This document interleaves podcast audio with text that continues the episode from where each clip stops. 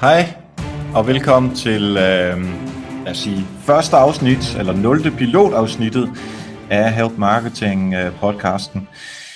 Jeg vil bare lige hurtigt forklare, hvad det er, det, det her det går ud på. Øhm, det tager lige et par minutter, og øh, så sniksnakker jeg sikkert lidt, øh, og så starter vi øh, her i starten af oktober med selve øh, de rigtige udsendelser. Men altså Help Marketing på helpmarketing.dk, det er en ugentlig podcast, som jeg, øh, som jeg kører, og øh, hver eneste uge er der et interview med en person, som ved rigtig meget om et eller andet emne.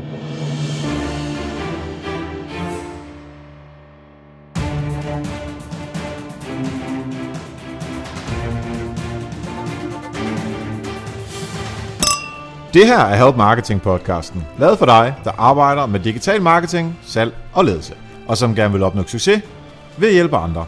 Jeg hedder Xings, og Help Marketing produceres af min virksomhed Nokmal. Det her er afsnit nummer 100. Det er fuldstændig sindssygt. Og det kan jeg selvfølgelig på ingen måde gøre alene. Så hvem er det, der sidder ved siden af mig? Det er mig igen. Jeg er tilbage. Anita. Ligesom sidste gang skal jeg spørge, hvem er det, du er? Anita, din yndlingskollega i Bolius. Stadigvæk. Fuldstændig rigtigt. Og øhm, det er afsnit 100, og nu vi klinget glasene før, men det er mest for lydeffekten. Jeg synes lige, vi skal gøre det igen, og så øh, også Vi få gør det hver femte minut fra nu af. Ja, det er rigtigt. Sådan der. Skål, og skål til lytterne. Skål og tillykke. Mange tak. Det er, øh, jeg synes, det er helt vildt. 100 afsnit. Jeg har snakket med 100 kloge mennesker om alt muligt forskellige ting her i, øh, i podcasten. Ja, det er små to år, og det er, øh, jeg har ikke ord for det. Så jeg synes ikke, jeg vil øh, bruge alt for meget tid på at sidde her og være sådan helt ked af det og begynde at få tårer Du i skal øjnene. ikke være og sådan ked af det. Du skal da være glad og Ja, det er rigtigt, det er og- rigtigt, men øh, ja, altså sådan alle mulige store følelser, der kommer frem, Åh, som vi lige snakkede om før, øh, vi, vi optog her, øh, så er det ikke, øh, det er ikke de store følelser, som, der, øh, som vi sætter fokus på. Det er altid meget mere sådan det, det faktuelle, men øh, der skal også noget personlighed øh, ind over, og det håber jeg også lige for at formidle. Men øh, jeg er endnu ikke grædt på Help Marketing. det skal nok komme. Inden for de næste 40 minutter, så skal Erik nok græde. det er det, jeg er her for. Ja, okay, ja, men hvis, vi, hvis du kan opnå det, så, øh, så er det også et kryds på, øh, på ting, der skal opnås. Øh, Benchcast, den anden podcast, jeg laver sammen med David Gullager, der tror jeg faktisk, jeg har grædt. Øh, der er en vis person døde i øh, season 6 af Uh. Help, Marketing. Det, øh, nej, Help Marketing. Season 6 af Help Marketing. season 6 af Game of Thrones. Men det skal jeg ikke snakke om. Men cirka samme niveau i øvrigt. Help Det- Marketing, Game of Thrones. Det vil jeg også mene. Jeg kan forstår, ikke helt finde ud af, hvad der er bedst. jeg forstår ikke, hvorfor HBO ikke tager Help Marketing ind. Nej, det kommer lige om lidt. Det må, gøre, det, må Ja. det gøre. Um, nu er du her, og jeg kender dig rigtig godt. Vi sidder ved siden af hinanden øh, oppe på øh, kontoret, og øh, vi har næsten været kollegaer i et års tid nu. Mm-hmm. Men øh, bare lige hurtigt, hvem er det, øh, du er, og hvad laver du? Vi kommer mere ind på det bagefter, men bare lige overskrifter. Overskrifter, så er jeg øh, social media manager nu i Bolius. Og så har jeg jo min egen virksomhed, Anita XCBH, hvor jeg øh, holder oplæg, og jeg underviser på IBA om neuromarketing. Og øh, så har jeg startet en podcast sammen med Puk Falkenberg, der hedder Digitale Tanker. Så vi er øh, tre afsnit gamle. Vi øh, skal nok ikke indhente overhovedet, fordi vi udkommer kun hver 14. dag. Men øh, ja, overskrifter, det var mig. Ja, lidt smartere at kunne udkomme hver anden dag, eller hver anden dag, hver anden uge. Der, der, er der, der er ikke helt så meget arbejde i det. Ej, vi, Øh. får lige, øh, vi får lige break. Ja, jeg fandt det i hvert fald ret hurtigt ud af, at at optage og redigere og skrive noter og alle de her ting, øh, og gøre det selv hver eneste uge, det, det var i hvert fald minimum 10 timer om ugen, som jeg brugte i, jeg tror det første 10-20 afsnit, øh, indtil øh, Thomas kom på, for at hjælpe mig med at redigere, og så Anne-Sophie, der, øh, der skrev noter, og det er der også noget nyt om øh, lige om lidt. Men vi har jo også lovet, det har jeg i hvert fald teaset her de sidste 3-4 afsnit af Help Marketing, at vi har noget, som vi skal fortælle. Uh, hemmeligheder. hemmelighed. Men, øh, Eller en verdenspremiere. Verdenspremiere, det kan vi også godt kalde det. Men i øh, sådan en rigtig god øh, tv-teaser-stil, så øh, venter vi til sidst med det. Fordi vi, øh, der er nogle andre ting, som vi gerne vil øh, igennem. Og inklusiv øh, neuromarketing, som øh, du skal tale en lille smule om. Du Mhm. har talt øh, om det hos øh, den gode E. Potter og øh, hos øh, Leif Carlsen allerede i deres afsnit, eller deres øh, podcast. Ej, jeg vil glemme gamle mænd nye medier. Også giver gamle mænd mm-hmm. medier, præcis. Så øh, det er ikke fordi, det bør være helt nyt, hvis man er øh, podcastlytter og lytter med på dem. Men vi prøver at, at konkretisere øh, nogle af de øh, sådan lidt mere akademiske ting. Øh, men inden da, der er jeg, øh, men inden da, det plejer, så plejer der at komme sådan en ugens marketingværktøj og en øh, annonce og sådan noget. Men det gør der ikke lige nu her. Men inden da, som sagt. Jeg vil simpelthen have lov til at takke alle lytterne. Der er efter 100 afsnit nu øh, over 120.000 downloads af Help Marketing. Og det er, altså det er helt vildt så mange mennesker, som har simpelthen lyttet til mig og gæsterne i deres ører over øh, små to år nu, og det er, altså det, jeg er helt beæret over det. Altså, når, nogle gange, når jeg laver foredrag forskellige steder, så står der måske 100 mand, eller 200 mand, eller bare 20 mand, og det, det kan man jo også godt være, så bliver man lidt nervøs, når man skal, og det skal man jo være, ikke? Men 120.000 downloads plus, og det, bliver, det vokser hele tiden. Det er, øh, det er helt sindssygt. Så. Prøv at forestille dig, hvis det havde været dem alle sammen på én gang. Ja. Oh, det, altså, hvis man skulle være nervøs, så var det da helt klart på det tidspunkt. Mm. Men, ja, øhm, og jeg siger det rigtig ofte, men jeg mener det virkelig. Jeg, der er ingen grund til at lave en podcast, hvis ikke der er lytter. Og det er derfor, at jeg laver det. Jeg vil meget gerne hjælpe med det, som jeg kan. Og den hjælp, jeg får tilbage, og den positive feedback, som jeg har fået tilbage af alle de lytter, der er derude, det er altså helt klart det, der gør, det er det, der driver, at jeg har lyst til at gøre det igen og igen og igen. Der er selvfølgelig alle mulige andre ting, som jeg også har talt om før, vi kommer også ind på det senere, som også har nogle fordele, men det er altså virkelig på grund af dig, der lytter med derude, og øh, de mennesker, som så skriver et eller andet til mig, eller tweeter, eller øh, mailer, sms'er, hvad der nu kan ske, det er virkelig på grund af dig, der lytter med, at, øh, at jeg laver help marketing. Så et kæmpe, kæmpe, kæmpe tak herfra.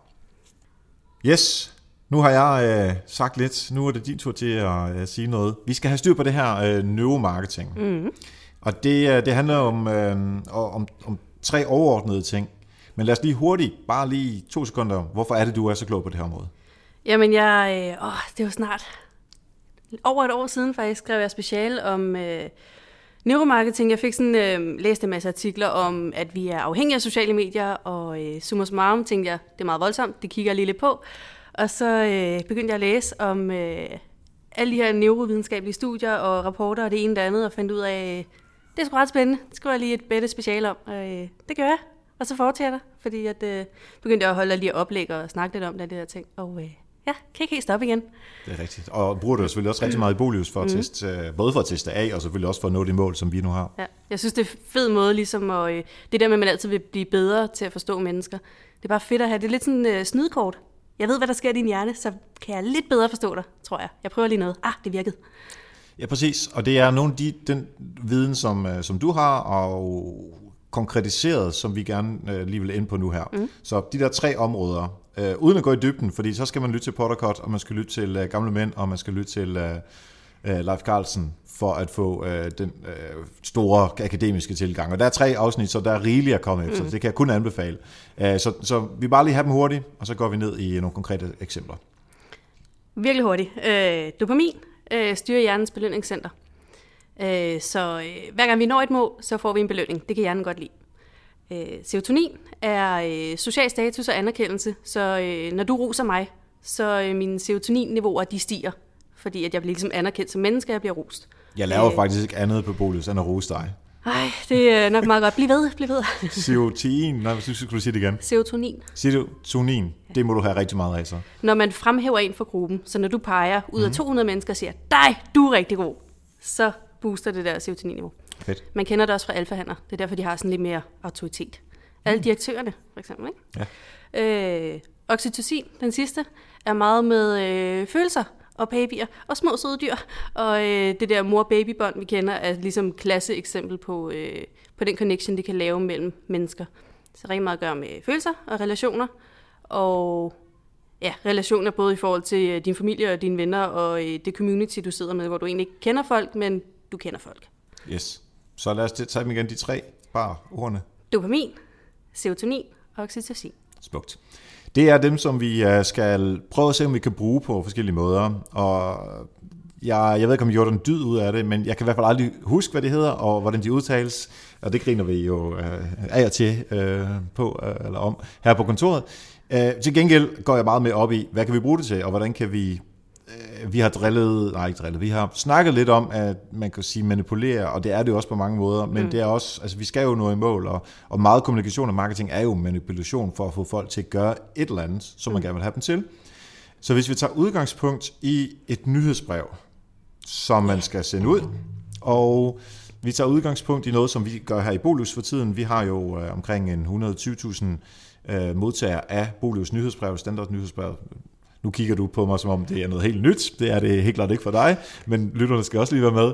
Af de her 120.000 øh, modtagere, der er jo nogle af dem, så aldrig åbner. Og de får jo bare en mail hver gang, og det, det er fuldstændig ligegyldigt for dem. Mm. Så derfor skal vi prøve at reaktivere nogle af de her. Og dem, der ikke vil reaktiveres, fordi de, de, har, øh, de har ikke interesse mere, de, de skal bare ud af systemet, så skal vi heller ikke forstyrre dem mere. Mm. Så og det, det, der, det skal vi til at gøre nu her. Hvordan kan man bruge reaktivering af nyhedsbrev, for jeg tror at rigtig mange mennesker, øh, der lytter derude, også har nyhedsbrev, som de gerne vil have deres brugere til at øh, engagere med igen. Mm. Altså den klassiske måde, som virkelig mange vil gøre, det var at sende en mail med at sige, øh, du læser ikke vores mails, du skal trykke her for at blive ved med at modtage dem. Punktum. Ja. Hilsen, logo. Det vi jo gør, det man kan gøre, det man bør gøre, er lidt mere at øh, anerkende, hey, du læser ikke vores nyhedsbrev, kunne det være, øh, du synes, de er helt vildt dårlige, øh, at de røget i spamfilter, øh, har du bare travlt, fordi det er også bare helt ok. Øh, men ligesom sige, det kunne jo være, der sad et menneske og modtog de her mails. Det kunne være, at det her menneske stod i en eller anden privat situation, som kunne være, at man ikke havde tid til at læse dem. Det kunne også bare være tekniske ting, som de faktisk ikke modtager de mails. Men ligesom anerkende, at det er et menneske, der sidder bag, og øh, det kunne være, at der var nogle ting, man skulle tage højde for. Så ligesom det der med at anerkende den situation, folk står i. Øh, og så handler det også bare om den der menneskelige kommunikation, ikke? så det er ikke et logo, de får øh, en mail fra. Hos os har vi jo faktisk lavet et billede, så man faktisk kan se de fire mennesker, der skriver vores nyhedsbrev. Så det er Malte og Kim og Ulrik og Michaela, som spørger, om du gerne, om du synes, vores nyhedsbrev er gode, om du gerne vil blive med at modtage dem. Så det er det her, øh, det er så serotonin, vi kommer ind på, den her anerkendelse af, at vi ser du et menneske, du kunne have travlt, helt fair, vil du gerne blive ved med at modtage de her mails? Ja, så tryk her, og hvis, hvis du ikke har lyst til flere, så tryk her. Altså, mm. Altså så man ligesom ikke, fordi der er rigtig mange også, der tænker, at de skal jo ikke melde sig fra. Jamen, hvis de ikke har lyst til at være, at have nyhedsbrevet mere, så sælger du heller ikke noget til dem på nyhedsbrevet. Mm. Så kan du lige så godt bare sige, hey, lad os, lad os uh, part way på en god måde, ja. og så kan det være, at de kommer tilbage på et tidspunkt. De bagtaler det i hvert fald ikke, fordi du har uh, opført dig pænt over for dem. Man kunne måske endda lave sådan en fem muligheder, har du travlt, øh, synes du de er dårlige, mm. eller noget helt andet, så send os en lille besked. Svar på den her mail. Det kan man typisk ikke i øvrigt på nyhedsbrevsmails. Ja, svar Men, ikke øh, at virksomhedsnavn.dk. Ja. Tryk her, og så giv os lige tre linjer om, hvorfor du ikke øh, åbner. Mm-hmm. Og så kunne det være, at man svarede på den mail også. Så kunne det være, at man fik en dialog. Åh oh, nej, relationer. ja, præcis. Det, det er også noget, vi har talt om på Help Marketing før. Øh, lidt, lidt i, i den dur også, når man øh, tilmelder sig et nyhedsbrev, eller man har øh, købt noget på, på en webshop, eller man har på en eller anden måde interageret med en hjemmeside, trykket send eller klik her, eller whatever, mm. så skal man have et svar tilbage på en eller anden måde, om at den her hændelse, den er fuldført. Og, og klassisk, der er det jo sådan, tak, du er nu tilmeldt. Mm. Tak, du, det er i orden, altså der. Man får ikke mere at vide end det her. Uh, hvad, hvad tænker du, man kan gøre mere der? Man kunne jo prøve, og det ser jeg faktisk mere og mere, hvilket er en god ting, at være lidt mere menneskelig og sige, uh, det betyder noget for os, at du er glad. Det er sådan lidt den standard, hvor det bliver sådan lidt, det er bare en standardbesked, og de gerne vil have noget feedback. Eller, men på en eller anden måde prøve at få noget personlighed ind i teksten. Fordi når så man åbner den der mail, som sådan et, gud, der sidder mennesker bag det der logo. Nå ja, det er rigtigt. Øh, det er bare lidt nemmere at connecte til, end øh, hvis det er de der standard mails, man får. Ja, og både mails, men også på siden, hvor du, altså du har tilmeldt dig, og så får du på siden en, en tak, du er nu tilmeldt, kigge din indbakke for en mm. øh, aktiveringskode, eller hvad det nu er, man skal have. Ikke? Ja. Øh, og, og jeg tænker jo, en ting, som vil være rigtig fint at gøre på det tidspunkt, er, at øh, hvis nu ikke man har sådan en, hvor man skal ind og trykke på mailen, altså hvor du er sådan set er tilmeldt efterfølgende. Mm. Tilmeldt nyhedsbrevet, øh, sæt mailadressen ind her, klik, yes, nu er du tilmeldt. Send et, et smilende billede ind af nogle kollegaer, som, øh, som siger tak for det, og ligesom billedet, som vi har i nyhedsbrevet, vi har endda nogle navne på det, øh, kollegernes navne, som du nævnte før. Mm. Øhm, og derudover, og det er måske ikke så meget over i uh, neuromarketingsarbejdet, men du må rette mig, hvis jeg tager fejl, men på det her tidspunkt, der tænker jeg, det er der, hvor man kan sælge allermest. Så hvis man lige har sagt, ja tak, jeg vil gerne have nyhedsbrevet, så får man at vide, du er nu tilmeldt, og det er vi super glade for. Hvor er det fedt, og smilende med mennesker og alt sådan noget. Ikke? Mm. Og så bagefter, så står der, 75% øh, af alle mennesker, der modtager vores nyhedsbrev, de er også venner med os på Facebook. Mm. Her er linket til Facebook. Eller de, også, de bruger også vores app, eller de bruger også vores whatever. Ja. Og det er lige netop det der med at sige, så så mange bruger allerede en eller anden service, så er vi bare flokdyr nok til at sige, Nå, hvis så mange gør det, så vil jeg sikkert også. Så er vi nemlig nemmere til at konvertere. Lige præcis. Som landmandssøn ved jeg jo, efter at have hentet rigtig mange køer, rigtig langt væk fra mark, på marker, at køerne altid går den samme vej tilbage. Der er simpelthen sådan en lille bitte, mm. et sted, hvor der ikke er græs, hvor de simpelthen bare går efter hinanden. Uh, og det er ikke fordi, jeg skal sammenligne uh, os alle sammen mennesker med kvæg, men altså, der er nogle gange, så har vi bare den der, nå okay, fordi de andre gør det, så gør vi det også. Ja, det er flokdyr, flokdyr og lemming-effekt. Så, ja. ja, præcis. Lad os prøve at hoppe over på Facebook og tale lidt om uh, alt det der, som du har med, med babyer og dyr. Det du er lidt kendt for herinde uh, hos os. Og kun herinde alligevel. Nå, ja. ja, jeg har jo... Øh... Okay, jeg er ikke bange for at sige, at jeg måske spammede Bolius øh, Facebook-side lidt for meget med søde dyr.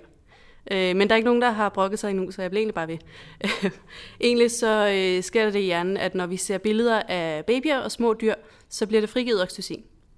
Det er sådan en helt øh, naturlig reaktion. Øhm, og er det kun billeder?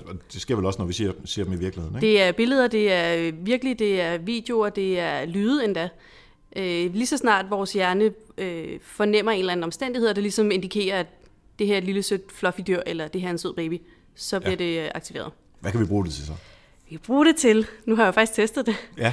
Øh, eksempel, vi havde en, øh, vi har en pindsvine-artikel, øh, og den ene øh, post, jeg kørte, det var meget sådan en stockfoto-ting, hvor der var noget med en skov, og så var der nogle små dyr i den skov. Man kunne ikke rigtig se, hvad det var. Så artiklen den handler om eller med at få flere pindsvin af haven? Ja, lige præcis. Ja.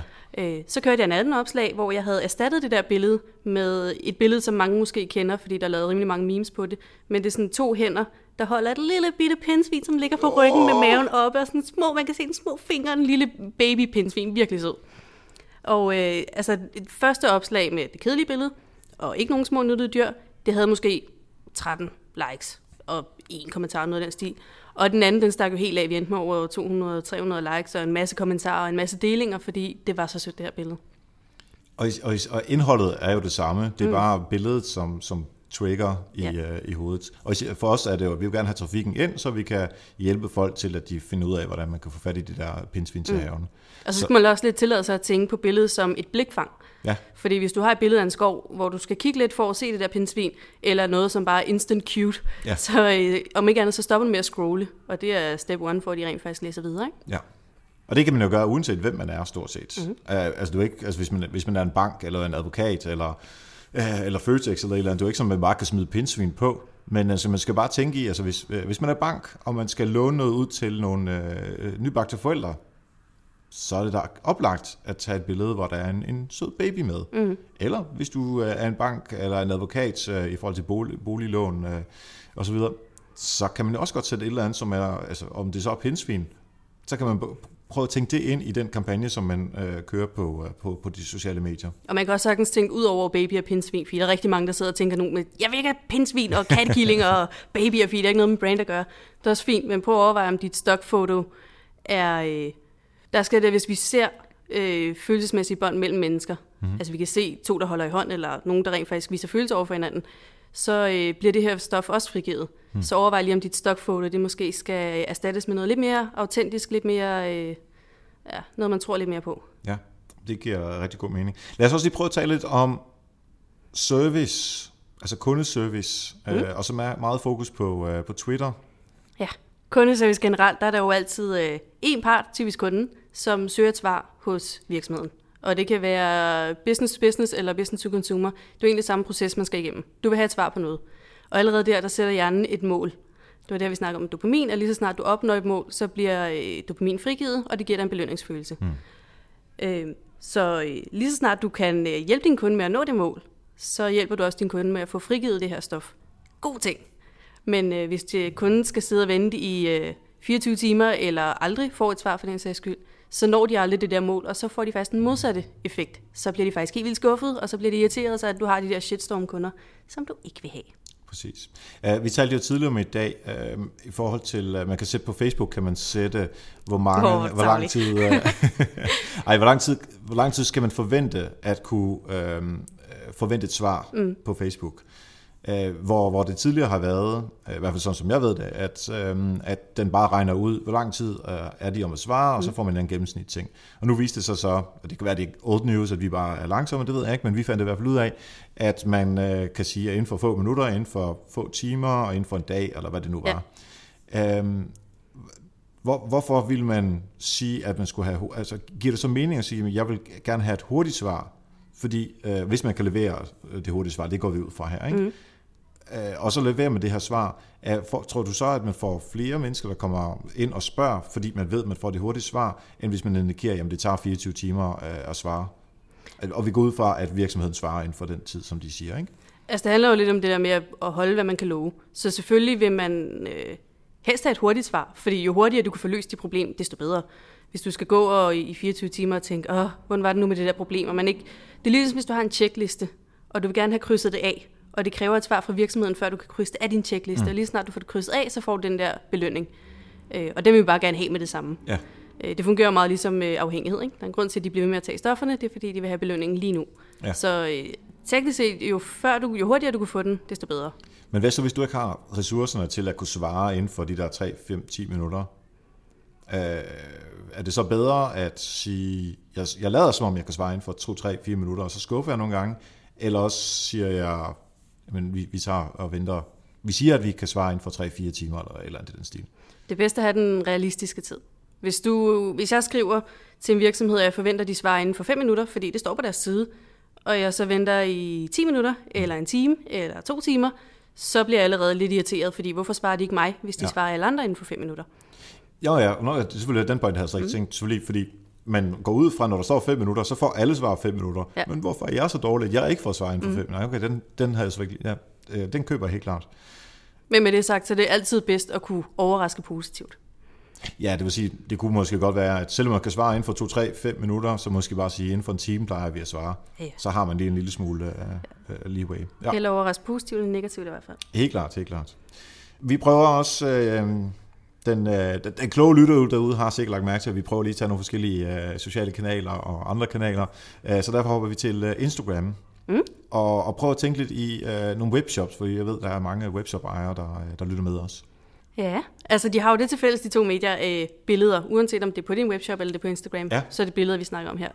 Og øh, nu har vi jo en kollega, som du øh, kærligt driller, fordi hun fra tid til anden råber, jamen det er ikke pænt, så det skal ikke på Instagram, og så sukker du meget højt. Ja. Meget demonstrerende for at sige, det er lige meget om det er pænt. Mm, det er en anden diskussion, men øh, hun har en meget god pointe i hvert fald, mm. fordi øh, pæne ting, det er sådan noget, der behager vores hjerne. Så det er også derfor, vi... Øh, der er rigtig mange, der går op i indretning for eksempel. Ja. Fordi hvis du har et pænt øh, hjem, så behager det også bare din hjerne. Vi kan godt lide at kigge på pæne ting. Øhm, og der bliver faktisk frigivet øh, blandt, altså en masse ting, blandt andet dopamin. Den her tilfredsstillelse med at kigge på noget pænt. Det får man så til at tænke på, øh, fordi jeg interesserer mig ikke helt så meget for det der. Vores kollega, vi godt, Sofie, som hun hedder, hun synes, det er helt vildt vigtigt, så det er meget vigtigt for hende. For mig er det mindre vigtigt. Altså, hvad betyder, øh, hvordan kan det være, at det er så vigtigt for hende, når det ikke er vigtigt for mig? Altså sådan i forhold til, altså alle hjerner er ikke ens på en eller anden måde. Er det fordi, jeg har mindre af det ene, eller hun har mere af det andet, eller hvordan er det? Det sætter nærmere krav til jeres, øh, til jeres krav for æstetisk sans. Hun har måske lidt højere krav, hvor du øh, interesserer dig mindre for det sådan rent naturligt, så du har ikke så høje krav for, mm. hvornår noget er pænt. Øh, så det er mere øh, interessespørgsmål. Men okay. det vil så også sige, hvis du ikke har så meget interesse for det, så bliver du hurtigere øh, tilfredsstillet og tænker, ja, det er fint nu, min hjerne er glad nok hvor hun har højere krav, så der skal mere til, før hun tænker, ja, det er fint, det kan jeg godt lide, og bliver tilfredsstillet. Okay, så det på en eller anden måde, det kan man også træne sig selv til, øh, om man vil have højere krav. Altså, ja, ja. Så længe man, når man ved mere om et eller andet emne, så sætter man sikkert også uh, højere krav. Ja. Det kan faktisk også meget med vane at gøre. Ja. Hvis hun er vant til alt er rigtig pænt, og du er vant til alt er rigtig grimt, og det, så det er, er der bare lang vej, ikke? ja, præcis.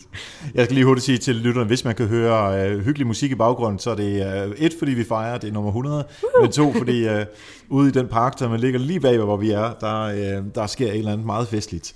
Men det passer bare helt perfekt til, uh, til afsnittet her. Det er meget festligt musik i det mindste, må det man lige give dem props for det. Uh, LinkedIn, der er der alt det her med endorsements og anbefalinger og sådan noget. Mm. Hvordan påvirker det? Det er... Øh To ting faktisk, kan vi sige. Fordi øh, typisk er de jo... Øh, det er sjældent, man planlægger sådan nogle. Det er sjældent, man lige siger, øh, nu går jeg ind og endorser dig, Erik. Bare så du ved det, bare så du ikke bliver forskrækket lige om lidt, når du kan se at... Så øh, for det første er det lidt en positiv overraskelse. Og øh, positive overraskelser, det øh, frigiver dopamin. Øh, fordi vi når et uventet mål, og det frigiver faktisk mere dopamin, hvis vi når et ventet mål. Så hvis, hvis man vidste, at man ville få en anbefaling, eller et klap på skulderen, eller et eller andet, så, så fylder det mindre, end hvis det kommer uden, at man ved det. Ja, Så frigivelsen af dopamin er større, hvis den kommer uventet, at Ja. du ikke vidste, den ville komme. En anden ting er så øh, den her anerkendelse, øh, som vi også lidt snakkede om før med, hvis du står og siger, Anita, du er fandme god til det og det og det. Alene det der med, at der er andre, der øh, roser en og sætter pris på en, det booster vores serotoninniveau, den her øh, følelse af at være anerkendt. Og så er vi jo igen flokdyr. Vi vil rigtig gerne, vi er meget sociale dyr, så vi vil gerne øh, passe ind i en gruppe. Vi vil gerne passe ind i flokken, og øh, det kræver lidt, at man bliver anerkendt af flokken. At man får den der approval for, ja, du må godt være med i flokken, vi synes, du er god nok. Yes. Lad os prøve at tale om uh, print også. Det er meget langt væk fra alt det her, som vi lige har talt om. Men, uh, og vi har jo i uh, Anders, så havde vi inde fra læsertryk.dk uh, i afsnit 82. Så det er ikke, fordi vi aldrig har talt om uh, print her på Help Marketing. Så jeg synes, det er fair at stille et spørgsmål. Kan vi bruge nogle af de her mekanismer, eller nogle af de her uh, værktøjer til uh, på print også? Mm. Jeg synes faktisk, det var øh, fedt, det kom med i Health Marketing. Meget uventet. Ja. Jeg skulle godt nok overtales lidt af mig selv til at høre det, men øh, øh, det gav meget god mening, øh, alt det han sagde. Det sjove er faktisk, når man kigger på hjernen, så har man faktisk for nyligt, øh, for nogle måneder siden, lavet man en øh, undersøgelse med Post Danmark, med hvordan hjernen opfanger øh, digitale øh, inputs og fysiske inputs, så når du får et øh, e-boks brev, eller når du får et fysisk brev. Øhm, og basically, det kan godt være, print er død, men det er øh, 20% nemmere for hjernen at optage den information, man får på et fysisk stykke papir, end det, du får på den digitale. Øh, vi skimmer meget mere, når vi læser digitalt, end vi gør, når vi skal åbne et brev, og vi skal hive brevet ud, vi skal folde ud, og vi modtager information på en helt anden måde. Vi læser brevet på en helt anden måde. Øh, vi bliver også øh, cirka 20% mere motiveret til rent faktisk at følge op på det, der står i brevet. Ja. Ja, det noget, tror du, det har noget at gøre med, at fordi man rører ved det, eller fordi man tænker, okay, der sidder nogen i den anden ende, der har brugt væsentligt flere penge på at pakke det ind, osv., osv., end bare at sende en mail eller lave en Facebook-update? Det er primært det med, at når du, du kender sikkert også selv, du får et brev, så bliver du nødt til at lægge alt andet fra dig. Ja. Du kan ikke lige have Twitter kørende, du kan ikke lige have øh, alt muligt andet kørende. Du bliver faktisk nødt til at bruge dine to hænder til at stå stille og åbne et brev og finde ud af, hvad fanden det her går ud på. Øh, det næste er så, hvis du kan se det håndskrevet, så er det, man begynder at tænke, hey, der er et menneske bag det her. What? Øhm, så øh, Hvordan kan man så, hvis vi snakker lidt om det her før, vi har talt rigtig meget om øh, ambassadører og alpha audiences her på, øh, på Help Marketing, Øh, og der, der var min tanke, da vi, da vi snakker om det her, at hvis man skulle virkelig gøre noget for de der alpha audiences, som man har derude, så er det at give dem noget, noget ekstra. Mm. Og det her er jo at give dem noget ekstra. Det koster selvfølgelig også mere, det ved vi alle sammen. Altså print er jo væsentligt dyrere end Ja. bare en, en mail.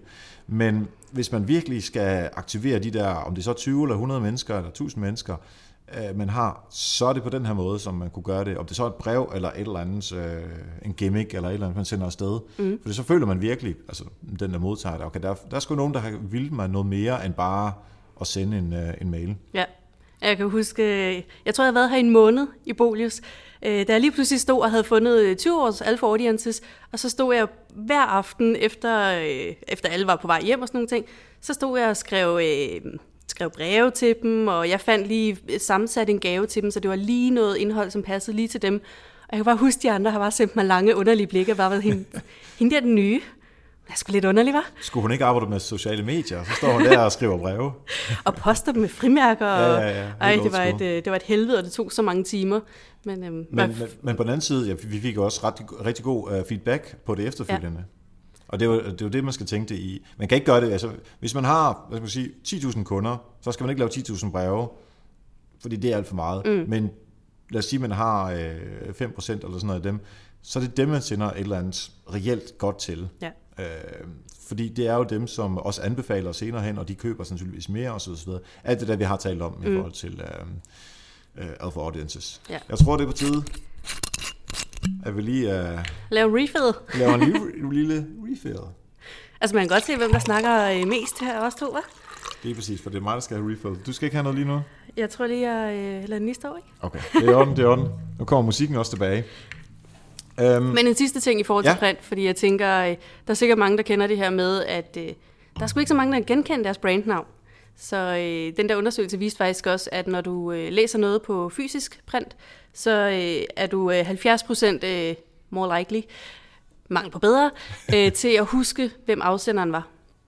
Så Bolig skal jo sagtens, øh, eller hvilken som helst virksomhed kan sagtens sende dig en øh, mail og sige, hey, du er en fed kunde, tak, hej hej. ja, Øh, men hvis du får et brev, hvor det der logo skrev til dig, så øh, husker du det væsentligt bedre. lige præcis. Så øh, alle derude, mere Post Danmark. Man kunne forestille sig, at Toppost Danmark også har en interesse i, uh, i den der undersøgelse. Sikkert er det, for de har den lavet, men altså, den var jo reelt nok, det, mm. det, det er ikke det. Så altså, tænk det i forhold til de, de uh, alpha audiences, som man har derude, at uh, print bestemt ikke er, uh, er dødt. Her på Health Marketing, igennem 100 afsnit nu, der har uh, vi uh, snakket rigtig meget om Patreons. Mest mig, fordi det er mig, der er vært, og det er mig, der skal lave de her små uh, indslag om, at uh, der er nogle Patreons. Og uh, nu takker vi selvfølgelig lytterne før, um, og det er, øh, jeg holder på, at det er alle lyttere, som er rigtig, rigtig vigtige.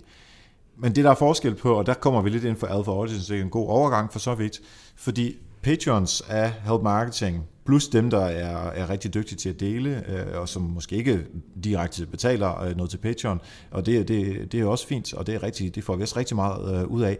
Men de patrons, vi har, det er faktisk dem, der sørger for, at hvis man, det kan rende rundt det her. Øh, nu laver jeg jo ikke øh, 10 timer mere. Thomas han skal have noget løn, og øh, Anne-Sophie skulle også have noget løn. Det får komme ind på, og hvordan den er endt. Og så er altså, der er bare nogle udfordringer. Uh, nej, der er nogle omkostninger, det er det, jeg prøver at sige, ved at lave en podcast.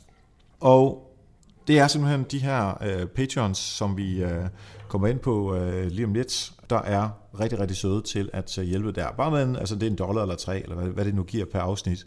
Øhm, så hvis du har lyst til at hjælpe på den måde, så er det nokmal.dk-støtte. Og jeg synes faktisk, at når nu at det er afsnit nummer 100, og der er så mange mennesker, som har hjulpet igennem tiden, så har jeg simpelthen lavet et udtræk af alle Patreons, som vi har pt. Og der har selvfølgelig været nogle, der har selvfølgelig været væsentligt flere, for der, så er der nogen, der er hoppet fra, fordi de ikke havde flere penge, eller de holdt op med at lytte, eller, eller hvad situationen nu kan være. Og øh, jeg håber da også, der kommer flere på, så øh, jeg tænker simpelthen, vi tager dem fra den ende af. Ikke fordi vi skal fortælle alt om dem, men vi har jo en, en, en lille relation øh, til dem, og du kender selvfølgelig også nogle af dem. Øh, så byd ind, når der er nogen, du, øh, du kender. Øh, jeg kender dem jo i hvert fald sådan lidt, enten kender jeg dem ret godt, eller også kender jeg dem fra de forskellige sociale medier. Du burde i hvert fald kende dem bedre end mig, kan man sige. Ja, det er, det er vi helt enige om. Vi starter med uh, Lars Skjoldby, som faktisk har været uh, gæst i Help Marketing to gange. Uh, han arbejder rigtig meget med, med SEO i uh, Skjoldby Co. Og han har været uh, Patreon i uh, ret lang tid af, af Help Marketing også. Uh, som jeg husker det, så var det uh, helt tilbage fra uh, 2015. Så uh, kæmpe tak til, uh, til Lars, både for at være gæst og for at uh, være Patreon. Og jeg har faktisk brugt hans tjenester både her i, i Bolius øh, og i, øh, i Nordmal, øhm, og ikke fordi han er Patreon, men fordi jeg synes bare, han er super, super cool, han har godt styr på sine ting. Så øh, tak, til, øh, tak til Lars. Så har vi Mikkel Højberg, som øh, jeg ikke kender helt så godt endnu. Jeg er også en af de øh, Patreons, som er kommet til lidt senere. Men det jeg kunne se, da jeg lige var inde og tjekke øh, ordentligt efter, det er, at han støtter også DTNS, Daily Tech News Show, som er i min verden den allerbedste podcast. Slut. Der er ingen podcast bedre end Daily Tech News Show. Øh, og den støtter Mikkel så også på, øh, på Patreon. Så tak for støtten til mig, og øh, jeg vil også godt sige, at det er super fedt, at du også støtter DTNS, fordi det er altså virkelig, virkelig godt. Så har vi vores biblioteksven, Jan, som, øh, altså, jeg virkelig, at jeg har, vi har faktisk aldrig mødt Jan, kun på Facebook og ved mail og så videre, så videre, men jeg tror, at Jan er den mest hyggelige type nogensinde. Han er bibliotekar, og han, er, han øh, elsker podcast, han lytter også til alle mulige andre. Øh, er rigtig god til også at, øh, at fortælle om help marketing andre steder, så mange tak for det. Og jeg har endda snakket lidt om, med ham om, at vi måske skal lave et afsnit, som handler om biblioteker og hvad de gør på sociale medier. og nogle andre, som han kender. Så det kan være, der kommer sådan lidt et, et, et afsnit omkring, hvordan de arbejder med... det er en podcast, jeg gerne vil høre. Fedt. Jamen, så har han bestået testen om, at der er flere, der er interesseret i det. Så er der vores øh, gode ven øh, Morten øh, Vium, og lad os lige skåle, mens vi taler om Morten. Skål på Morten. Skål på Morten, og, og så alle, alle de andre også, ja, men nu, var det, nu blev vi tørstige, mens vi snakkede om Morten. Som også har været med i rigtig, rigtig lang tid. Efter jeg øh, tvang min kæreste, eller ekskæreste, til at øh, betale via Patreon, så ligesom der i hvert fald var én person, så var Morten, øh, jeg tror han var nummer to, men i hvert fald blandt en af de aller, aller første. Og han har været med siden da, så der er kæmpe tak både til, at han selvfølgelig har støttet, at den relation, vi har, hvor vi sparer, øh, og, og vi, vi kender hinanden øh, relativt godt, og at han har været med til at sådan social proofe, at, det, at, man, at Patreon ikke er helt åndssvagt i forhold til en podcast i Danmark. Fordi, fordi han var med, og min, min ekskæreste og et par andre, så er der andre, der også er, er hoppet på vognen, fordi øh, og det må der også være en eller anden nøve øh, grund til, hvorfor. Når man ligesom, altså det er jo flokdyrs øh, tilgang, som vi taler om. Ikke? Altså, der er andre, der allerede gør det, jamen så kan jeg også godt. Jo, for first mover, så er det sådan nogle ting med, jeg har en øh, tanke om mig selv om, at jeg er first mover, så må jeg hellere gøre nogle ting for ligesom at opretholde det, den øh, visualisering af mig selv i hvert fald. Præcis. Morten er i hvert fald en first mover. Han har en lillebror, der hedder Nils, som jeg husker. Han har en lille søster, der hedder Anne. Han er, øh, men det er fordi, vi skal gennemgå hele hans familie, men grund til, jeg vil snakke om, om Niels meget hurtigt, det var, at øh, han også øh, ved at starte en podcast, hvor han interviewede mig, og den udkommer, jeg ved ikke, hvornår den præcis udkommer. Jeg tror ikke, altså hans podcast er pt. ikke udkommet endnu. Men øh, hvis man godt kan lide sådan noget effektivisering og, og øh, work-life balance og den slags, det er det, han øh, øh, taler om, Nils så kan man gå ind og søge på det. Det er noget af en uh, Wonder-familie, de har. Uh, hans uh, søster, Anne, som jeg nævnte, ja. uh, har en fed blog, og uh, jeg ved ikke, om du kan huske det, en dag næsten lige da jeg startede min uh, virksomhed, der fik jeg en virkelig fin mail, og jeg, var sådan, jeg blev helt stille, og så tror jeg nok, jeg fik sagt det der sådan, åh, og så fortalte jeg om den her fine mail, som jeg har fået. Det var bare Anne, der ville sige, at hun var simpelthen blevet inspireret til at starte en blog, og her var den, og hun ville bare sige tak. Ej, hun var bare fint. så oprigtig og fin, og ja. Det er, det er simpelthen... Øh... Vi elsker Vium. ja, lige præcis. Du sagde lige præcis, hvad jeg skulle til at sige. Det er perfekt. Mads Nordskov, også mange tak til dig. Øh, en fyr, som jeg mødte på øh, Refuga i Spanien. Øh, hvis nogen kan huske, at vi lavede nogle afsnit øh, fra Spanien på et tidspunkt. Mange tak til dig. Så er der Peter Schøtz, som arbejder med øh, digital strategi. Han holder også foredrag. Tak til dig. Så er der Jakob Rosenfeldt, som øh, jeg også har kendt i rigtig lang tid, øh, mestendels via de forskellige sociale medier. Og der skal jeg lige sige til jer, Jakob, du bad sidste år om, at Bolius lavede en, øh, en video om, hvordan man vedligeholder uh, sådan nogle plæneklipper, sådan nogle skubbe plæneklipper. Jeg ved simpelthen ikke, hvad de hedder. Men sådan nogle, man skubber som uden motor. Og der kan jeg, gå der kan jeg sige til dig nu, den ligger simpelthen på bolus.dk. Bare gå ind og led efter den. Og den er lavet, fordi du bad om den. Så den er simpelthen uh, lavet. Så det, det hjælper altså at gå ind og spørge. Så er der Gitta Mølbak, som jeg gerne vil takke, fordi hun er mega sød til at uh, motivere mig ved simpelthen bare sende nogle søde beskeder, og igen neuromarketingsdelen. Mm. Ikke? Øhm, så mange tak øh, for det, Gitte, og selvfølgelig også for at være øh, Patreon. Øhm, så er der Pernille, som, øh, Pernille Pedersen, som har en podcast selv, der hedder Lorte Parforhold, som man har øh, sammen med kæresten, og hvor de taler om noget, øh, noget i deres parforhold. Øh, også rigtig, rigtig sjovt, som, øh, jeg kan gå ud, øh, som jeg kan anbefale, at man lytter til, hvis man kan lide den slags. Øh, Helena Hillersdal, tak for, at du er med, coach og mentor. Allan Iversen, som jeg kender fra Twitter også. Øh, Laura Højer, som jeg har drukket kaffe med og sparet med en del øh, også. Øh, Ditte Wolf Jacobsen, hun har været så sød, hun har simpelthen lavet autoresponder helt gratis for, øh, når du mod, hvis du modtager nyhedsbrevet for podcasts, altså for Help Marketing på øh, nyhedsbrevet, så får du nogle autoresponder, en 4-5 stykker eller sådan noget, dem har hun skrevet, og så har vi, øh, så er det sat op, og det er bare, altså, hun er, Ej, den kan vi rigtig godt lide. Ditte, Ditte Wolf, Nana Elming, hende kan vi også godt lide. Jeg har skrevet i mine noter, total nuser. Vi kan rigtig godt lide uh, Nana. Og hun har også været gæst her på Help Marketing, da vi talte om uh, community management. Så er det min gamle kollega, nej ikke rigtig kollega, men vi, vi arbejdede i samme bygning. Øh, Martin øh, Lavni, Lavni hedder han, som nu er hos øh, lederne. Og så er der Mister Podcast i Potter, som også støtter Help Marketing. Tak for det. Camilla Brobjerg, som øh, jeg har mødt til øh, Social Media Week sidste år, som, som jeg husker det. Og hun er rigtig, rigtig sød til også at dele Help Marketing ud forskellige steder, så øh, stort tak til dig. Øh, Anne Strandgaard, tekstforfatter, den kan man ikke få nok af. Øh, mange tak til dig. Og Allan Schmidt, som er grafisk designer, og det er jo lige sådan nogle ting, som altså, der skal tekst til, der skal grafisk til, der er rigtig mange ting, så jeg, jeg synes, det er super fedt, der er så mange forskellige og uh, Allan han sidder i, uh, hans virksomhed er i Silkeborg, og jeg lige har været på weekendtur med mine forældre. Og så besøgte du Allan? Det gør jeg ikke, oh. fordi jeg, på det tidspunkt, jeg, jeg, ja, jeg lader ikke lige mine forældres weekendtur sammen med uh, Help Marketing og sådan noget. um, til gengæld er der Daniela Edemann, jeg tror det er sådan, man skal sige det navn, uh, som har uh, læst på IBA, og det er jo en af vores uh, gode venner her på mm-hmm. Help Marketing. Uh, Bjarke Rosenbæk, en god Twitter-ven, der også arbejder med uh, digitalt arbejde og strategi og den slags. Anders Christensen, MacCabler.dk, tak til dig også. Og så øh, Kasper Willum, som er journalist på øh, Jyllandsposten, som er nok den person af alle, som jeg har kaldt, kendt allerlængst. Jeg var sådan en, der ringede ind til ham, da han er hos uh, Come On og Computer Worlds, for at sige, at uh, den her kunde, Sony eller IT-virksomheder, har nogle produkter, skal du ikke skrive om dem? Så sagde han, nej. Og så ringer jeg dagen efter, jeg har også den her, skal du skrive? Nej, og så videre, så videre. Men hvad med nu? Okay, men hvad med nu? Lige præcis. Så Kasper, han, øh, han har øh, hørt rigtig meget på mig øh, i telefonen, hvor jeg har prøvet at pitche forskellige ting ind. Øh, især da jeg ikke var særlig god til det, og efterhånden så blev jeg bedre og bedre og bedre til det, så jeg har gjort et eller andet godt til sidst, siden at uh, vi stadigvæk uh, taler i dag, og han uh, vil støtte Help Marketing. Og lytte til dig frivilligt. ja, præcis, præcis. Så hvis uh, du gerne vil på den her liste, så er det altså på nokmal.dk-støtte, så kommer du direkte ind på Patreon, og så bestemmer du selv, hvor meget du har lyst til at støtte Help Marketing med. Jeg vil bare lige hurtigt tage en, en lille snak med dig om, hvad det er, at du laver i Bolius, og hvad jeg laver i Bolius. Fordi mm-hmm. vi har snakket rigtig meget om Bolius øh, i podcasten, fordi det er jo det, jeg arbejder med. Øhm, så igen, bare meget hurtigt, sådan, hvad er det, du sådan helt konkret laver som, som social media manager, som din titel er i dag? Jamen, øh, overraskelse på sociale medier. Ja. Ej, vi har heldigvis ret mange øh, platforme på sociale medier. Øh, vi er til stede rigtig mange steder, øh, så det sidder selvfølgelig med. Øh, så har vi vores øh, blogunivers, som startede, øh, var det marts måned i år? Ja, det var det. Øh, så stadig ret nyt.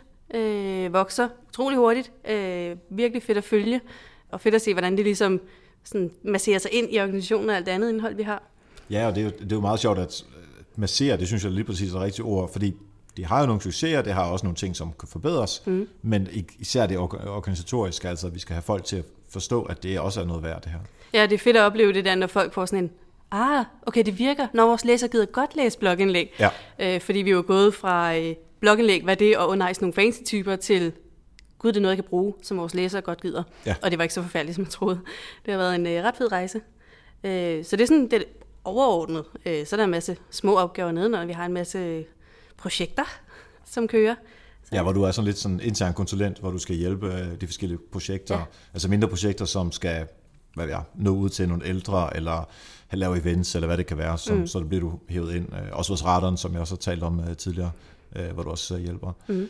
Og det er bare lige for at sige, fordi det er jo det, som du sidder så arbejder med, mens jeg sidder med uh, meget sådan, uh, lidt mere sådan strategiarbejdet med sociale medier, og så meget på konverteringsarbejde, som egentlig ikke har noget med sociale medier. Jo, det har det selvfølgelig alt har noget med sociale medier at gøre, men, men konverteringsarbejdet i Bolius, og så sidder jeg rigtig meget med, med data, og det tror jeg også godt folk efterhånden ved, fordi jeg tror ikke, der har været det eneste afsnit af Help Marketing, hvor jeg ikke har talt om data.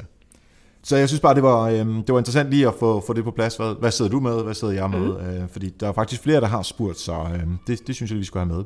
Men det er lige før, vi også bliver spurgt om det internt i organisationen. Ikke? ja, Hvad er det nu? Men er det ikke Erik, der sidder med, eller er det dig? Eller, men det er, også, det er meget tæt arbejde, vi har. Ja, det er det jo. Øh, og der er, altså, der er jo en grund til, at vi sidder lige ved siden af hinanden. Ja, vi kan ikke komme tættere på hinanden, faktisk. Ej, det altså, jeg har rykket helt ud til kanten af mit bord, jo. Så du kan, hvis du rykker lidt... Nej, det kan du faktisk ikke rigtig med. Jeg kan ikke. Altså, til gengæld har vi øh, den mikrofon, som vi taler ind i lige nu, som øh, stort set alle afsnit af Help Marketing er optaget med, den står lige mellem os, så der er en lille, der er en lille adskillelse på den måde. Nå, en anden instans, som jeg også gerne vil, øh, vil takke, det er øh, Mette Vild fra øh, IBA, Erhvervsakademiet i Kolding.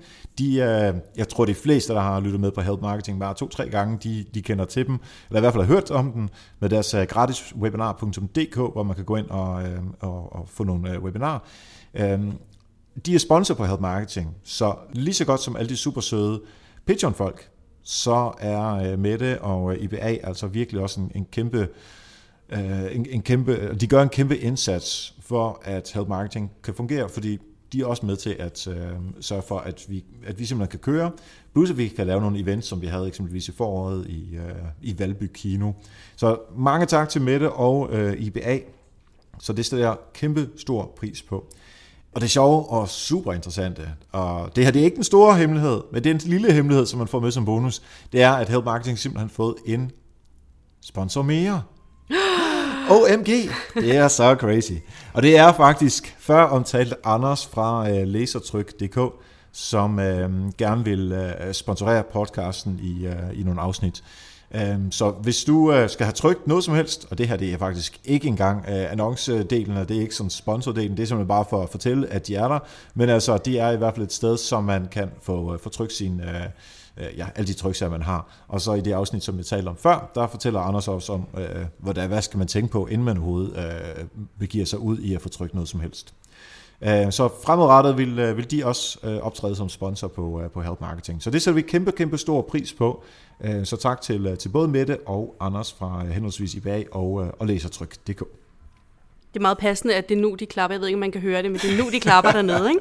Det er godt, du er om- opmærksom på, hvad der sker rundt omkring mig. Øhm, ja, det er faktisk, det, det kunne næsten ikke være bedre. En lille ting, som jeg også gerne vil tale om, for det leder en lille smule hen til øh, det her, den her hemmelighed, som vi skal ud i. Uh. Det er det her med at få skabt sig en platform. Mm. Og det er altså hele content marketing tankegang, som, som faktisk er grund til at lave uh, help marketing i det hele taget, den bygger jo på, at man har en platform selv. Hvis man ser på sociale medier, Facebook, Twitter osv., osv., de har en kæmpe platform, fordi vi andre er så enten søde eller lidt naive, at vi bare kommer en masse indhold ind, sådan at de kan tjene en masse gode penge. Det er smart. Jyllandsposten, DR, TV2 osv., de har det også. Men, men content marketing tankegang er også der har en eller anden form for sådan kommersielt mål, om det så er sådan en lille konsulentbæk som min, eller om det er øh, Føtex, eller om det er øh, en eller anden advokatfirma, det er fuldstændig ligegyldigt. Hvis man arbejder med content marketing, så er det jo fordi, man gerne vil have nogle brugere ind på sit site, som man kan sætte nyhedsbreve til, og altså simpelthen påvirke gennem øh, god markedsføring, hvor man hjælper i stedet for bare at prøve at sælge. Det er også det, som vi gør her med, øh, med Help Marketing, som sagt, og øh, Nokmal.dk med min blog derinde, og din blog, som er Inde på Anitex CBH. lige præcis, mm. .dk, ikke? .dk. Det skal med, ja. Men jeg ved i hvert fald, hvad jeg vil med øh, min content marketing og den platform, som, øh, som jeg har. Mm. Hvad, er det, hvad, hvad tænkte du, da du startede din, øh, din blog? Jamen, jeg startede jo et helt andet sted. Jeg var jo stadig øh, midt i min specialskrivning, da jeg startede bloggen. Og der var godt nok mange, øh, der skubbede på, før jeg ligesom turde tage springet. Øh, det er ikke så farligt, som det lyder. Øh, men det var jo egentlig bare øh, dele noget viden, fordi det fik jeg at vide, at folk ville gerne have den viden, jeg sad med. Og så tænkte jeg, øh, fair nok, jeg tror ikke, det er så spændende, men here goes. Øh, og det gik så meget godt. Øh, så nu er jeg lidt gået fra, at det egentlig bare var mig, der skulle fortælle nogle andre om det her speciale, til at det rent faktisk blev en virkelig fed proces under specialet til at forstå emnet bedre, alle de der ting. Øh, men summa summarum, så er det blevet sådan en pøl af, at hvis det ikke giver værdi for andre, og det ved jeg godt, det er meget copycat af dig, øh, så gider jeg ikke lave det. Og det er præcis det samme med digitale tanker, som øh, Maja Puk har startet vores mm. podcast. Øh, hvis ikke det giver værdi for andre, hvis vi kan se, at der ikke er nogen, der gider lytte til det, og vi ikke får noget feedback, jamen så stopper vi. Men det er sjovt, fordi lige så snart du sagde det der med paid forward og health marketing og alle de der ting, så sad jeg og tænkte på øh, alle mine øh, netværksgrupper, og det er egentlig meget det, der er tilgangen for alle. Det er meget sådan, jamen sådan er det da bare. Så det er der, man starter, at vi videndeler, vi hjælper andre. Du havde også et, øh, du har jo været vikar her over sommeren, så mange tak for det også, Jamen, så, jeg kunne tage på ferie. Men der var jo et afsnit, hvor I, hvor I talte om, hvad øh, fremtidens øh, medarbejdere, altså dem, der lige kommer fra universitetet, mm. eller hvor man kan være hen. Og der talte I lidt, netop også om de her ting, øh, altså simpelthen få, øh, at fordelt noget, noget viden på tværs af organisationer også. Mm. Øhm, og, og så er løn, selvfølgelig skal man have løn, men det er ikke det allervigtigste. Det er sådan noget med at vokse og dele øh, viden. Og, og den, den, den del kan man jo gøre digitalt ved at have sin blog, eller sin hjemmeside, eller sin whatever man nu har. Mm. Så jeg synes helt klart, og jeg har sagt det før, men, men jeg mener det virkelig. Hvis man sidder med derude og lytter og tænker, skal jeg starte en blog? Skal jeg ikke? Go effing do it. Der er simpelthen ikke noget argument for ikke at gøre det. Bare gør det. Sæt dig ned en gang om måneden. Lad være med at gå i byen den ene fredag. Og så skriv en blogpost. Få det sat op. Det er ikke særlig svært. Og så laver du fejl. Jeg laver masser af fejl. Altså, heldigvis har jeg Og bare Thomas spørg mig, hvis I ikke tror på mig. Ja, lige præcis. Alle laver fejl, og det, det gør det bare mere naturligt og mere menneskeligt. Så mm. det er lige meget alt det der. Få det gjort. Og det er, hvis man er som selv og øh, sig selv. Øh, også i forhold til at få et job selvfølgelig. Men, og hvis man er en virksomhed, så gør det samme. Hvis man ikke har indhold på sit site, som kan se optimere, så får du heller ikke nogen brugere ind, osv. osv. Alt det her, vi snakker om. Så budskabet er, blog eller lav en platform, det er lige meget, hvad du gør. Lav en platform til dig selv. Det er lige før, jeg har lyst til at opstille sådan et øh, hypotetisk vedløb, hvor den ene øh, bare løber sit eget race. Øh, har ikke brug for andre, oh, bare ja. kører sit show helt alene. Ja. Øh, og målet, det vi ligesom måler på, det er, hvem der bliver klogest. Og den anden deltager er så en, som bare smider en masse viden ud, og øh, tænker, har lidt mindre fokus på at få noget tilbage. Ja. Den, der bliver klogest, hurtigst også, det er faktisk den, som deler en masse viden. Fordi lige så snart du deler noget, så vil folk hjertens gerne hjælpe dig øh, tilbage. Præcis, og hvis du så udvider den til også at tænke øh, salg og markedsføring med det her, mm. Så vil jeg også ved med, at uh, nummer to, altså den, der deler sin viden, også får meget med ud af det. Ja. I hvert fald, måske ikke for de første en-to måneder, fordi det, det tager jo noget tid at få fordelt noget indhold. Mm. Men når man først er i gang, og man bliver anerkendt som nogen, som rent faktisk deler det her viden, så er man så langt foran uh, alle de andre. Ja, så, øh, så går det hurtigt. Lige præcis. De sidste, som jeg gerne vil takke, det er øh, teamet bag Help Marketing, øh, som er øh, Thomas og Anne-Sophie, som jeg har nævnt før, og så øh, Michelle, som også øh, hjælper. Øh. Og det er Thomas redigerer alle de her ting. Det får der er mig nu her, men alle gæsterne og mig til at lyde super meget klogere, end vi er. Så dumme ører, og når vi siger noget forkert, det, det, det fjerner han, så at du som lytter derude får fokus på, på indholdet og ikke på alle mulige forstyrrende ting. Øh, Anne-Sophie har skrevet noter i, ja, i rigtig, rigtig lang tid, så mange tak til Sofie. Og Anne-Sophie vil jeg gerne lige øh, anbefale til jer alle sammen. anne-sophieandersen.dk kan jeg kun anbefale at gå ind og, øh, og følge med øh, derinde, når hun skriver noget.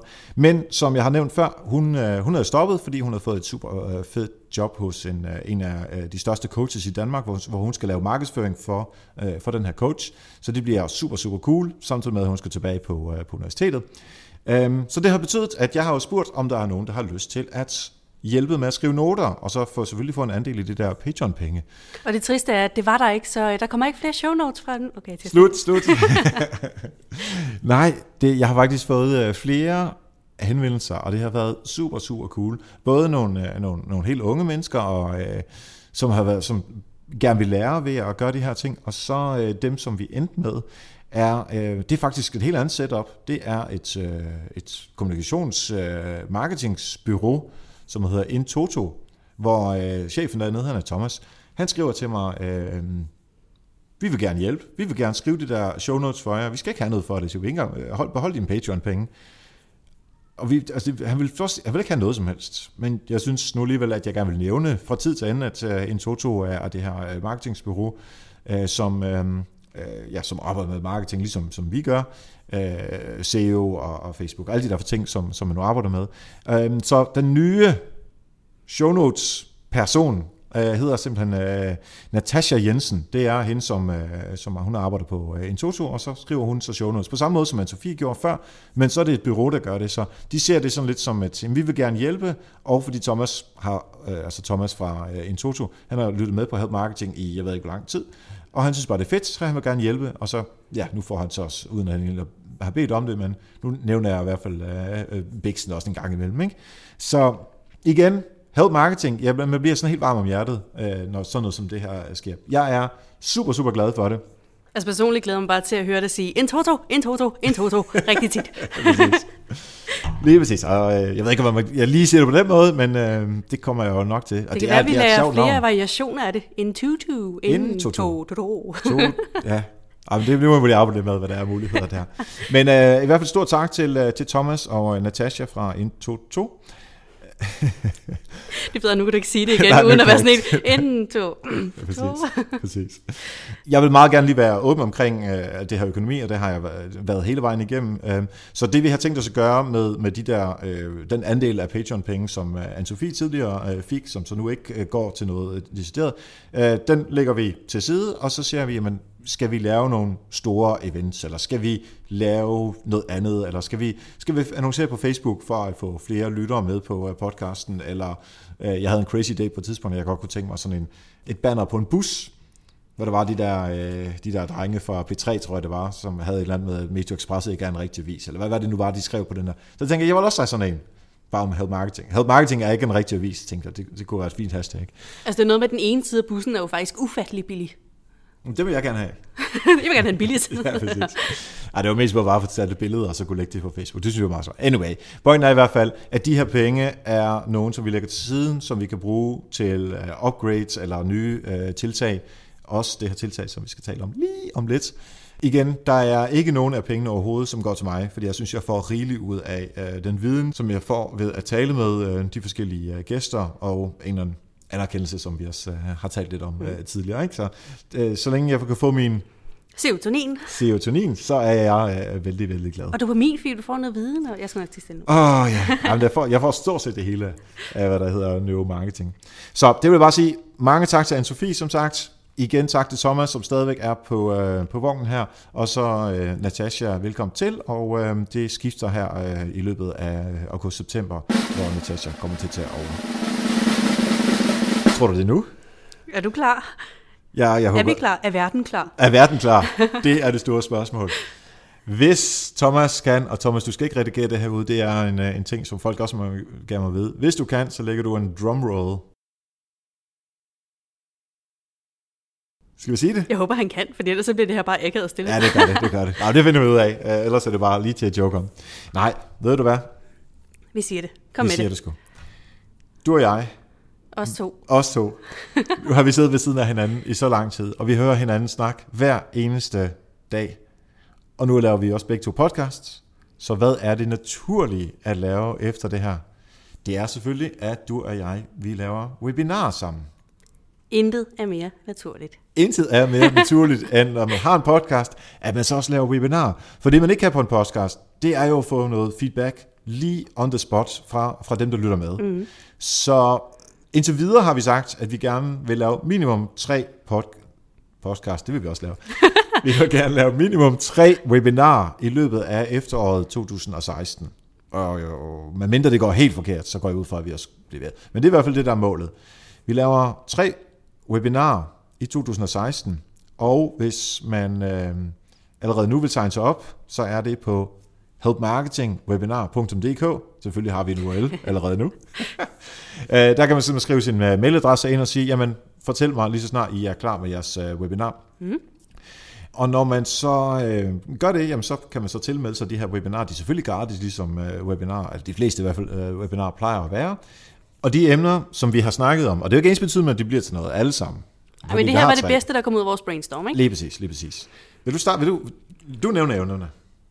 Dem alle sammen. Jeg Du tager tager dem. dem. Godt. Vi har snakket om øh, blandt andet succes med gratis Facebook. Nu sidder vi jo, og øh, uanset hvilken virksomhed vi tager, så har vi ikke nogen penge, fordi ah, okay, vi har ikke så mange midler at gøre med. Så øh, udgangspunktet er alt er gratis. Så det kunne være et emne, som vi tænkte, vi havde noget at byde ind med. Mm-hmm. Så har vi øh, content marketing, fordi hvad skulle vi ellers snakke om? Det er klart. Jeg kan i hvert fald sige noget om hjernen og content marketing, du kan sige alt det andet. Og vi, vi har tænkt endda at gøre måske noget for sådan totalt basic for begyndere, mm. og for noget øvet og så videre. Altså det, det, igen, vi har ikke bestemt os for det, men det er i hvert fald nogle af de her tanker, som vi har. Så har vi noget øh, community management, fordi hvad er mere oplagt? Ja, Og øh, PR, som øh, ligger meget på dine skuldre, vil jeg bare sige. jeg har i hvert fald uh, arbejdet på PR-bureau i otte år, så jeg kan uh, ja, det jeg hørt, det er der er noget om. Ja, præcis. Og så øh, selvfølgelig Twitter. er faktisk ikke noget, der er mere naturligt for os to. Nej. Og hvis Vi mødtes nå- jo på Twitter en ja, gang. ja, det er rigtigt, det er rigtigt. Jeg går ud fra, at der også kommer giffer med, hvis vi laver det. Åh, Uh, ja. oh, oh, sig det igen. øh, så har vi snakket om øh, øh, lidt fluffy, men argumenter for at øh, få større budget til markedsføring. Så hvordan du kan øh, overtale ham hende, der sidder øh, på pengene, til at, øh, til at stikke nogle af dem din vej. ja. Din dumme chef, der ikke vil give dig nogle øh, penge til øh, Facebook-annoncering, eller CFO'en, som bare er mega nær i. Jeg vil påstå, at vi har et øh, godt trick eller to os to. Det synes jeg, vi har. Og øh, den sidste, som jeg havde snakket om, det var at måle det umålbare. Jeg tror faktisk, det var min idé, fordi øh, jeg er ikke så meget for tal. Det var jeg ikke for et år siden, da jeg startede i hvert fald. Nu elsker jeg tal, fordi ja, du, Du kom, ikke? påvirket lidt. Helt vildt. øh, og så øh, på et eller andet tidspunkt, så tror jeg nok, jeg fik sådan en, gud, man kan jo måle på alt. Fordi ja, du stod og snakkede, og så tænkte jeg, "Men det kan man jo ikke måle på. Og så fortalte du, hvordan vi skulle gøre det, og så tænkte jeg, gud, det kunne man godt. Så tænkte jeg, man kan åbenbart måle på alt. Og det tror jeg, øh, det tror jeg godt, vi kunne dele lidt om. Lige præcis.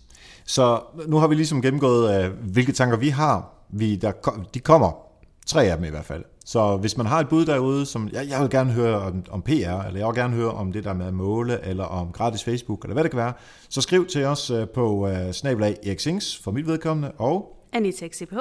Lige præcis. Og så, øh, så altså det, der får mest input øh, fra jer derude, det er dem, vi tager. Mm. Og øh, så stille og roligt. Vi skal nok give besked øh, på både Twitter, men også øh, på, på det her nyhedsbrev, som vi så laver øh, for webinar.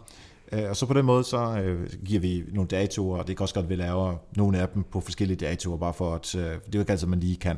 Det kunne være, at vi lavede nogle af dem flere gange måske. Måske, måske. Ingen ved det. øhm, og vores gode veninde Mette Vild har sagt, at vi gerne vil bruge øhm, den platform, som de bruger, mm. sammen med hende. Øhm, så, så vi har tænkt os at lave det i samarbejde med, øh, med IBA. Øh, men det bliver altså sådan i, en, i et Help Marketing webinar setup sammen med IBA. Øh, hvordan vi helt konkret gør det til ting, det er detaljer, men det du bare skal gå væk fra her, med den store hemmelighed er, at der kommer nogle Help Marketing webinarer her i løbet af 2016's efterår. Og hvis du melder til allerede nu, bare for at få at vide, hvad der kommer, så er det ind på helpmarketingwebinar.dk, og det håber jeg, du går ind og melder dig til med det samme. Og så kan vi jo godt sige, at øh, jo tidligere man er med, så hvis du hører det allerede nu og melder ind nu, så får du faktisk et webinar, der er mere eller mindre skræddersyet til dig, fordi du får lov til at påvirke det ret meget. Vi har jo favoritter i forhold til emner, men som jeg også har sagt tidligere, hvis det giver værdi for lytteren, så gider vi ikke lave det. Så vi laver det, I gerne vil have, næsten. Lige præcis. Det bedste er jo, når det, som vi kan lide, og det, som du, der sidder derude, kan lide, når det matcher op, så, øh, så er vi den syvende himmel. Mm-hmm. Den syvende himmel, synes jeg, er et godt tidspunkt at stoppe på, men man kan ikke komme højere op. Så øh, nu har vi også snakket en time. Jeg tror, det her det bliver det, eller er det længste afsnit af Help Marketing. Oh, det er mange rekorder, jeg sætter i dag, hva'? Ja, det er det, oh. det er det. Og øhm, hvis, øh, selvfølgelig har man lyttet med før, så jeg plejer at være ret styrende i forhold til, at jeg helst ikke have det over går tre kvarter. Det gør det nogle gange, men ikke ikke helt så meget. Og du vil ikke have nogen kollegaer med? Nej, ja, ja, men der er alle mulige regler. um, det har ikke på ingen måde været særlig styrende i dag. Det har været dejligt afslappet, og øh, vi kan jo snakke i, øh, det kommer vi også til, selvom vi slukker øh, optagelsen lige om lidt, så snakker vi videre. Mens vi stadigvæk lige er på, så fortæl lige, hvor det er, at man kan øh, følge og lytte til dig hen. Jamen, øh, som altid på Twitter, AnitaXCPH, generelt AnitaXCPH på alle platforme. Øh, og så tror jeg for en gang skyld, jeg hellere vil sende folk til digitaletanker.com, frem for anitaxcph.dk, fordi har der bare lidt mere fokus på podcasten, øh, og bloggen øh, lever stille. Men øh, det er podcasten, der er fokus på lidt mere nu.